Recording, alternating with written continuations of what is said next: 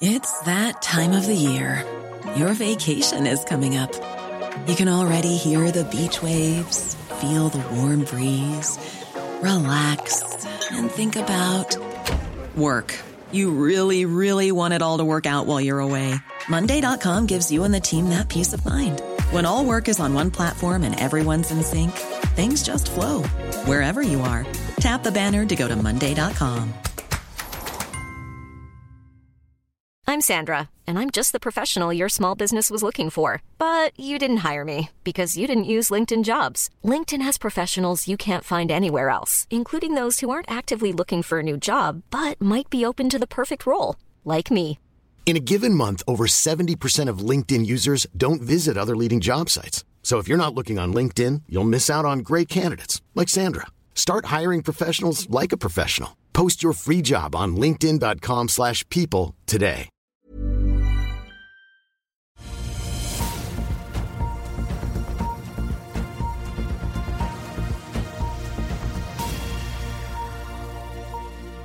En riktig god morgen og velkommen til Børsmorgen her hos oss i Finansavisen denne tirsdagen. Mitt navn er Benedicte Storm Bamvik, og med meg har jeg aksjekommentator Karl Johan Molnes. Senere i sending så får vi besøk av investeringsdirektør Robert Ness, der vi bl.a. skal prate litt om kunstig intelligens og markedstrender denne høsten. Før vi hopper på dagens program, skal vi se litt på handelsdagen her hjemme, der Nordnett-analytiker Roger Berntsen venter at Oslo Børs åpner svakt ned i dag. Til sammenligning så endte Oslo Børs svakt opp i går, der bl.a. Yara steg etter en melding om at de ønsker å elektrifisere deler av sitt industrianlegg på Herøya. Samtidig så steg Norwegian i går i forkant av passasjertall som slippes på onsdag, der DNB Markets meldte at de venter en fortsatt høy kabinfaktor. Når det gjelder Wall Street, så var den amerikanske børsen stengt i går pga. Labor Day, men for de som vil friske opp minnet, så endte Nasdaq ned, mens de to andre hovedindeksene Dow Jones og SMP 500 endte noe opp før helgen. I Asia og stillehavsområdet tirsdag er det for det meste bredt fall blant børsene, særlig i Australia, der ASX 200-indeksen eh, faller etter at sentralbanken i landet valgte å holde styringsrenten uendret. Ser man på oljeprisen, så er den ned 0,31% tirsdag, der et fat nordsjøolje handles for 88 dollar og 67 cent, som bryter med den stigende trenden man har observert den siste uken. I andre nyheter så opp, eh, opplyste Norges sjømatsråd tirsdag morgen at Norge eksporterte sjømat for 14,2 milliarder kroner i august. Det er en økning på 15% sammenlignet med samme måned i fjor. Administrerende direktør i Norges sjømatråd, Christian Kramer, sier den svekkede kronen er hovedårsaken til økningen i eksportverdien. Der den norske kronen falt hele 16 eh, svakere mot euroen i august i år sammenlignet med i fjor. Det er også tikket inn noen nye oppdateringer fra meglerhusene, der bl.a. Danske Bank har gått fra kjøp til hold på Equinor og kuttet kursmålet fra 375 til 350 kroner per aksje. Kuttet kommer etter meldingen i går i ettermiddag, der Equinor sa at de godtar en bot på 130 millioner kroner etter brannen på LNG-anlegget på Melkøya i Hammerfest i september 2020. Vi er straks tilbake med Robert Ness etter dette. Vil du bli oppdatert på det viktigste som har skjedd innen finans og næringsliv? Da er det bare å følge med, for hver morgen er jeg, Marius Lorentzen og aksjekommentator Karl Johan Malnes på plass i studio for å ta tempen på dagens marked i Børsmorgen. Og hver ettermiddag oppsummerer vi alt du trenger å vite i økonominyhetene, og det blir selvfølgelig masse interessante gjester. Klikk deg inn på fa.no-tv, eller søk opp Børsmorgen og Økonominyhetene der du hører på podkast.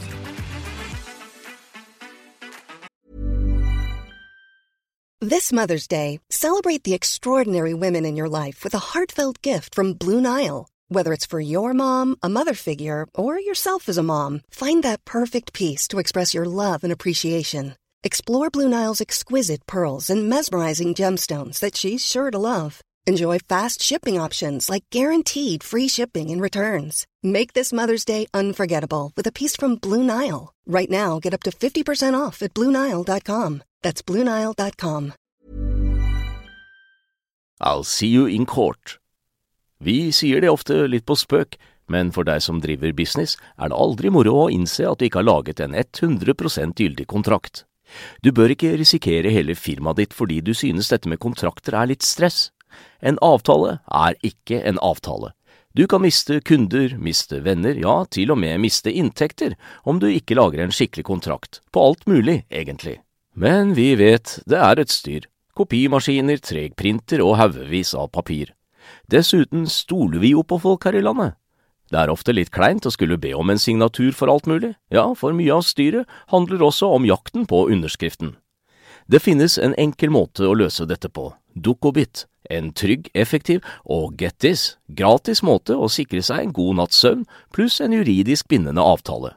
Dukkobit-appen har de strengeste sikkerhetskrav i bunn, samt en EU-godkjent og sertifisert teknologi. Framover vil det bli behagelig å spørre du, skal vi skrive under på det, eller? Kom i gang på dukkobit.no.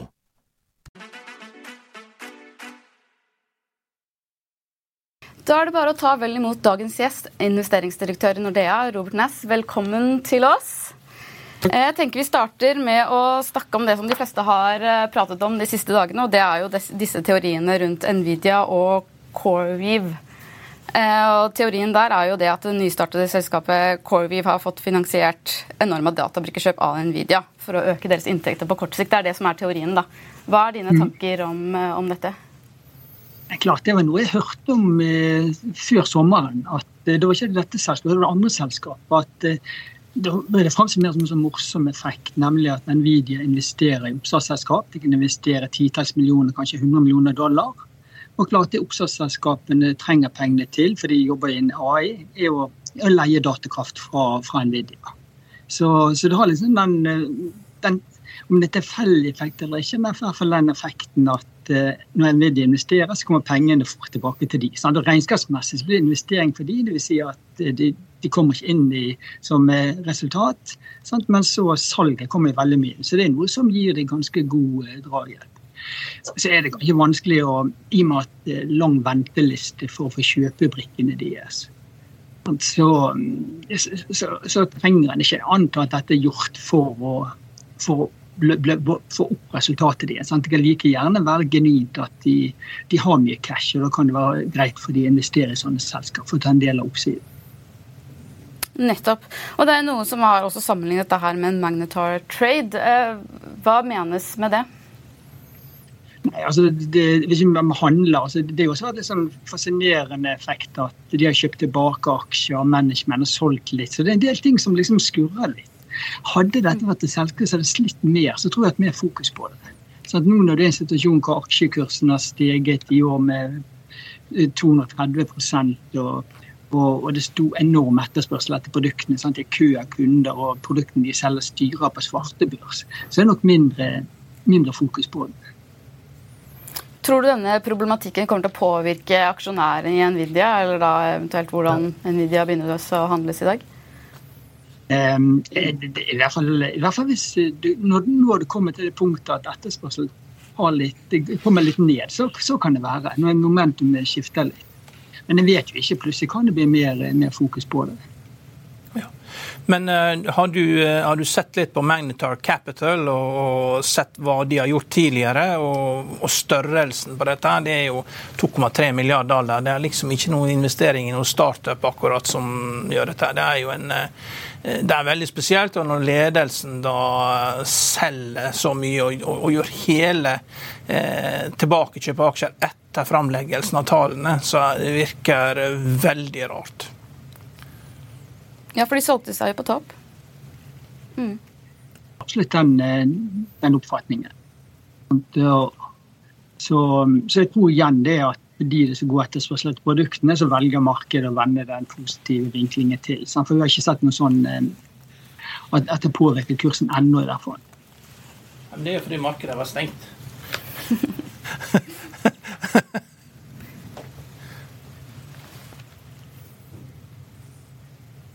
det er noe som, som er å investere fordi at eh, nå går det veldig bra for dem.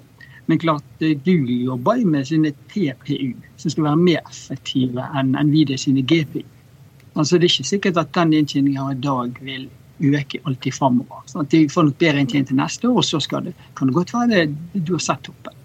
At det er litt ja. som bilfag. Sant? I år tjener det veldig mye, men du er ikke like sikker på at det vedvarer veldig lenge.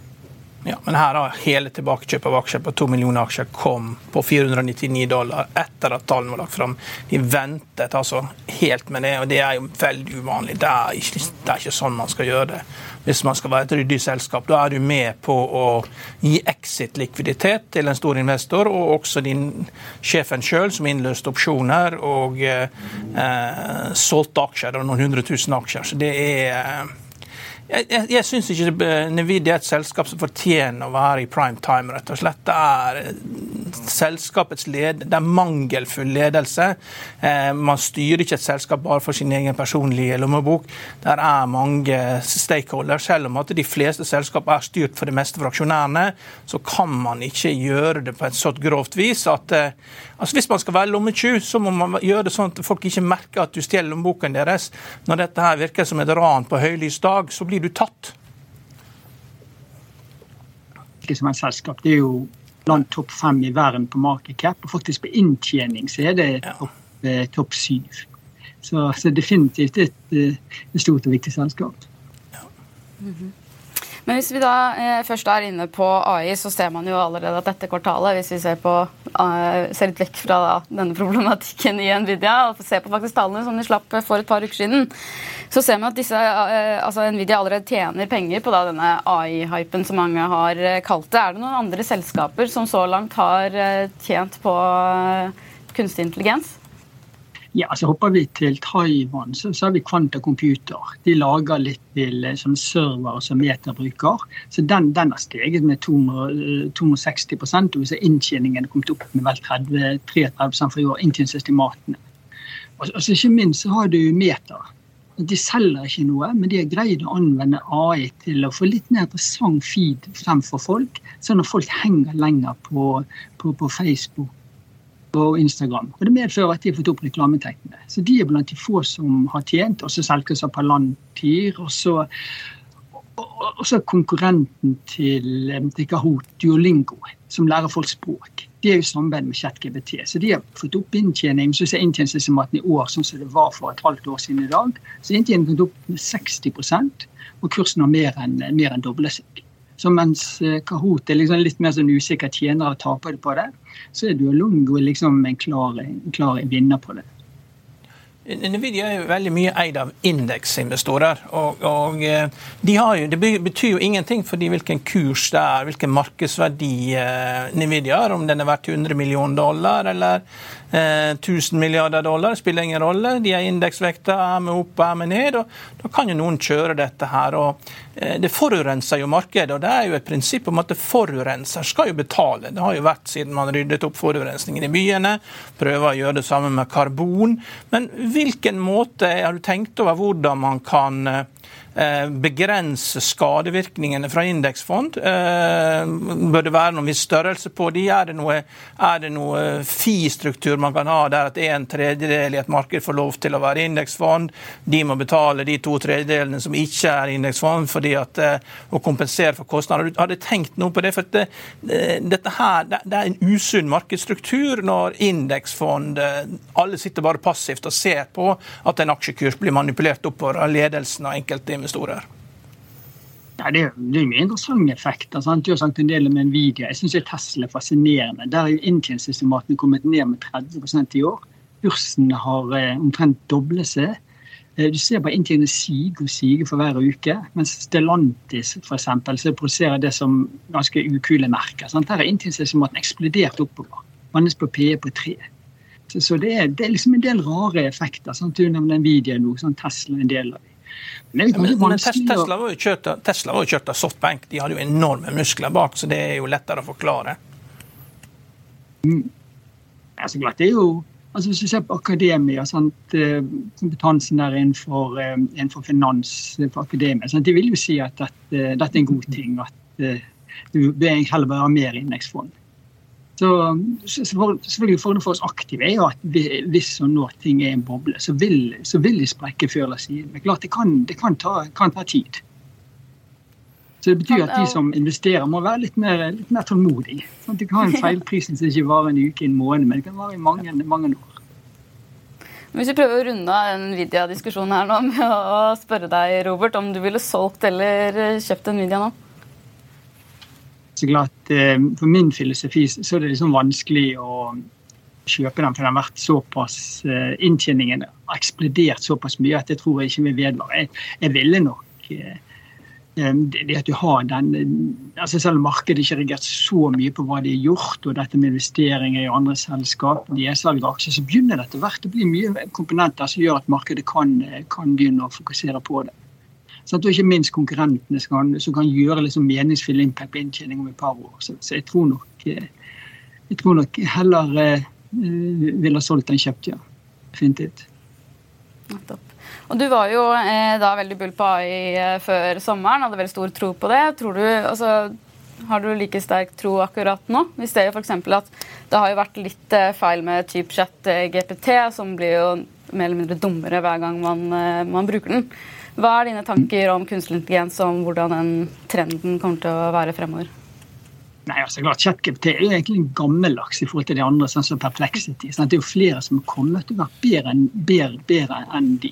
Sånn, sånn som Perplexity, som henter inn ting fra internett, den gir kildekode til alt mulig. Det de faktisk på med et halvt år, og likevel har ikke ChatGPT kommet der. Så de henger en del etter, men de kommer nok med en ny, ny versjon som, som, gjør det bedre. Og Det som er fascinerende, er sånn, den som taper sektoren i år, hvis jeg ser i USA, er helseaksjer. Men de kan virkelig, virkelig tjene på det. Så det var en eksempel var vel i forrige uke hvor dere brukte generativ AI til å få en, en, kvinne som ikke har snakket på 18 år, til å hjelpe henne å snakke. Så hun hadde sånne impulser fra hjernen, og så koblet de til en språkmodell og trente opp den. Så der ligger jo veldig mye muligheter som markedet ikke priset inn. Og det skyldes nok at inntjeningen der ligger noen år fremme. Og så er det veldig mange andre selskaper som skal tjene på dette i forhold til produktiviteten. Sant? Men de fleste store selskap de er jo veldig avventende. Sant? I år så er det nærmest sånn de nekter folk å bruke robotene. Det neste år så vil de sikkert begynne forsiktig å bruke de, og så kommer produktivitetsgevinsten først om to-tre år. Så det tar litt tid. Men klart markedet skal være stille framover. Men det er litt sånn artig vi er inne på. Det har vært en god del AI-tapere også. De som driver kundesentre. På den ene siden så vil de tjene mye på generativ AI, for de sier selv de er de beste modellene. Men så blir sannsynligvis generativ AI så effektivt at man ikke trenger så mye kundesenter fremover. Derfor ser vi at de, de internasjonale selskapene som driver kundesenter, har faktisk vært halvert seg og mer enn det i år. Så du tror også med andre ord at kunstig intelligens kommer til å prege markedet også denne høsten her? Ja, jeg tror absolutt det. I, i mm. begge veier. Sant? noen som blir definert som vinner, og noen som taper. Så jeg tror fortsatt det blir et veldig, veldig viktig tema.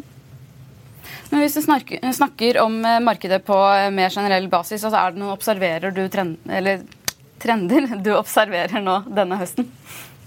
Ja, altså Det er så tydelig at noen, eh, noen selskaper har vært veldig populære. Sant? Jeg snakker mye om teknologi. Sant? Teknologi generelt i USA har fått en PE på 30 nå, som nærmer seg det du hadde på det peak. Og så glemmer man å tenke på at de lange rentene er gått fra å være 1 til, eh, til 4,7 Så Det betyr at når du rentejusterer det, så er sånn PEC-aksje det dyreste du har sett eh, i hvert fall på, på 18 år. Og det er ganske lenge. Og så Samtidig hadde det en aksje som er veldig lav priset. Eh, ta eBay P på 10, mange helseaksjer med P på 8. Så du har fått, fått igjen litt mer sånn todelt marked. At noe er, er, så dyrt at du sliter med beregningen, og så er det andre som ser sjarmerende billig ut. Er det noen eh, selskaper du syns er spennende nå som ikke har med teknologi eller AI å gjøre? Ja, selvfølgelig helse syns jeg egentlig eh, veldig mye helseaksjer syns jeg er spennende. Sånn de, de, er veldig greit priset internasjonalt. Eh, konsumaksjer har vært eh, flere år de har vært litt høypriset, men der er prisingen kommet, kommet, greit ned. Så der er det også mye, mye som er interessant. Apropos eh, helseselskapet, hva tenker du om Novo Nordisk da? De har jo ja, det... fått enorm verdi. Ja, eh, det, er, det er liksom to helseaksjer som skiller seg ut i, i verden. Sant? Det er Eli Lilly og Novo Nordisk. Eli Lilly er enda dyrere enn Novo Nordisk. Og det er litt sånn irriterende, eller ikke irriterende, sikkert irriterende for det ikke har Da, sant? Det er jo sant? Det er liksom ikke kreftprodukter de har. Sant? Det er ikke sånn alvorlig sykdomsting. Sant? Det er liksom disse slankeproduktene som er blitt liksom tilsvarer AI i helse. Så, så, det er det som har gjort de har steget noe, noe enormt. Sant? For det må regne med at det blir en god etterspørsel etter produktene. Så det, akkurat det, det, kan jo også være litt mer sånn, eh, så, sånn hypeaktig. Så, så var det noe nordisk Ila Lilly, ikke noe som, eh, som frister, frister meg. Men Er det noen spesifikke helseselskaper som du kan nevne, da? Ja, altså det, det, det, vi har på porteføljen, er sånn helseforsikring Signa, de som driver helsesystemet som CVS Helse. Innenfor eh, med Pharma så har vi blitt sånn Myers, og så har du MGN innenfor biotek. Så det er mange, eh, mange veldig veldrevne selskap som du får et veldig hyggelig multiple. Ja. Du, du, har et uh, globalt uh, verdifond fortsatt, har du ikke det? Du styrer det? Ja, og, har du en co-manager i Danmark, da, eller er det, styrer du det alene? Det er to forvaltere. En som heter Klaus Worm, og som meg. Og det, og det er mer verdi, men det er egentlig mer stabile. Vi prøver å finne veldrevne selskap. Ja, er, er, det sånn, er, det sånn, at han ser på Novo som en dansk aksje, at du ikke får lov å kjøpe den? Er det derfor, eller har du lov, har du lov å kjøpe aksjer hvor som helst? Ja, vi lov å kjøpe aksjer hvor som helst, både i Danmark og, og Norge. Um, så er det klart en viktig grunn til Novo Nordisk. Vi har eid den i korte perioder. Det, det er jo verdsettelsen. Men vi gjør verdsettelsen på det, og vi sliter med å, med å forstå den, den verdsettelsen. Men, men, selskapet er godt kvalitetsmessig, så, så en, er, en er på observasjonslisten vår. Er fondet fortsatt åpent for nye investorer? Ja, det er det. Det er ganske sånn globalt ganske mye, ved rundt 25 milliarder euro i hele den stabile prosessen. Men, så når du leser i avisen at Nordea skal begynne å selge private equity-andeler til folk for 100 000 eh, kroner eh, stykket, som eh, så Hva sier du da? At det er ikke bedre at de putter de pengene inn i noe som er gjennomsiktig og som gjør det bra, som du har, enn å putte pengene i private equity der man ikke vet hva man kjøper, og der man ikke har tatt hensyn til renteoppgang? Ja, jeg syns jo alltid mitt eget fond er best, for da velger jeg velge aksjene sjøl. Så. så. det sier jeg alltid. Så. Og har sagt de siste 20 årene. Yes, eh, Vi skal begynne å runde her, men jeg så jo tidligere at du hadde snakket om eh, amerikanske banker, hvor du da hadde en eh, teori om at de sitter på ganske store tap. og Det er jo det fordi at de har investert store summer i lange obligasjoner som da skal holde til forfall. kan ikke du fortelle litt mer om den teorien der? Jo, det de gjør, er at de kjøper obligasjoner som holder til forfall. Sånn, de kjøpte veldig mye for et par år siden, og da fikk de bare halvannen prosent rente på det. Og så nå kunne du fått 4% rente. Sant? Og Hvis du har investert i noe som bare gir 1 rente, og du kan få 4 så er det klart de er mindre verdt. Men så har de kalt de holdt til forfall, dvs. Si at de justerer ikke markedsverdien. Så da holder de til kostpris, selv om de åpenbart vil tape på det når de selger det. Og, og hvis det er småpenger, så gjør det ingenting, men det er ganske store summer. Ta det Bank of America, så så, så, har de rundt 200 milliarder i egenkapital, og så er det 600 milliarder i disse. Det vil si at Hvis vi skulle, ført de til virkelig verdi, sånn som de måtte gjort i Norge og Europa, så ville faktisk 40% egenkapital forsvinne. Så det, det, er egentlig en merkelig regulering at de får lov å holde det til kostpris når det åpenbart er store tap der. Hvis de har flaks, så går det bra. Men hvis kundene begynner å ta pengene ut, så er de unge på et eller annet tidspunkt til å selge dem. Og da, da går ikke an å skjule det bak regnskapsregler. Så det er liksom eh, det var sånn Silicon Valley egentlig gikk, viktig grunn til at den gikk under i mars. Så egentlig besynderlig at de har den, den regelen. Da er jo egentlig det store spørsmålet om når disse tapene vil bli synlige. Ja, og de, de står i noter i regnskapet, så investoren kan fokusere på det når som helst. Men analytikerne ser ikke på det. Management nevner det ikke engang i presentasjonen. Så de, de tar ikke med det tallet. Så det er egentlig ganske besynderlig. Så der kan det være at det blir mer fokus fra investorene nå. For nå når det kommer med tall for tredje kvartal, så vil de ha urealiserte tap der økt, siden rentene kom til. Jeg har jo også skrevet en kommentar om litt av dette her. fordi at det har jo kommet i, i dagens avis da, um, der det blir økt krav til eh, innlån da, fra de mellomstore bankene. og de har, Man regner at de har nå 75% av det de trenger, slik at man trenger en tredel til da, eh, med langsiktig gjeld. og Det er jo milliarder på milliarder som inn. og Konsekvensen av det er jo at det er også masse krav til eh, bedre styring av disse bankene. og mm, Jeg hører på enkelte podkast at det, det, betyr jo at det enkleste måten å, å, å, oppfylle dette kravet på, er jo å redusere balansen og kvitte seg med de dårligste kundene. Det er det første man gjør. fordi at Skal du gå ut i markedet og hente dette her nå, så blir jo renten veldig høy, og da vekker det opp veldig mange sovende bjørner. Så det er folk da som sitter med nullrente på innskudd, og som oppdager at de kan få 10 for å kjøpe en obligasjon, eller 5 for å kjøpe en statsobligasjon. og Det er jo det ingen som har lyst til å gjøre. Så jeg tror også det blir veldig mange fusjoner blant de mellomstore bankene. At de vil bli kjøpt opp av de største, fordi at de vil ikke klare å gjøre den øvelsen her. For det vekker, for mange, vekker opp for mange sovende bjørner. Mm, ja, absolutt. Det tror jeg er en interessant effekt. Så, så det gjør det mindre attraktivt å investere i, i amerikanske bankaksjer. absolutt. Ja, ja. Da tror jeg vi runder av der. Tusen takk skal du ha, Robert Næss, investeringsdirektør i Nordea. Takk for at du kom til oss. Før vi setter en strek for dagens sending, skal vi ta en kjapp titt på andre nyheter. I dagens avis så skriver Finansavisen om Øystein Streisbetalen og hans investeringsselskaper SD Standard ETC og Saga Pure, som begge nå handles til kjemperabatt. Du kan også lese mer om Nvidia, der bl.a. investor Christian Falnes er skeptisk og understreker at han selv aldri ville hatt, eh, tatt i Nvidia-aksjene nå. Anbefaler også alle sammen å følge med klokken 11 i dag, da Eiendom Norge slipper tall for boligprisene i august, der Handelsbanken Capital Markets og DNB Markets tror de sesongjusterte boligprisene vil falle 0,5% Mer om dette og mye mye mer kan du lese på fa.no. Og Dermed så runder vi av Børsmorgen for i dag. Husk å få med deg økonominyhetene senere i dag klokken 14.30. I mellomtiden så får du nytt på fa.no gjennom hele dagen. Jeg ønsker deg en riktig god dag videre. Takk for nå.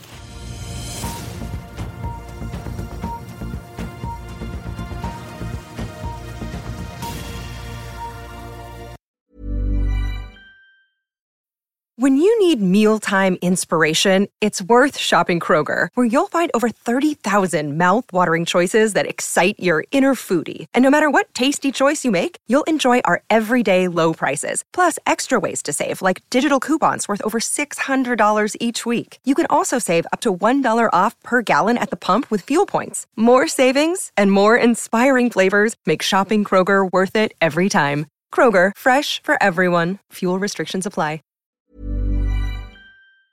Økonominyhetene er en podkast fra Finansavisen. Programledere er Marius Lorentzen, Stein Ove Haugen og Benedikte Storm Bamvik. Produsenter er Lars Brenden Skram og Bashar Johar. Og ansvarlig redaktør er Trygve Hegnar.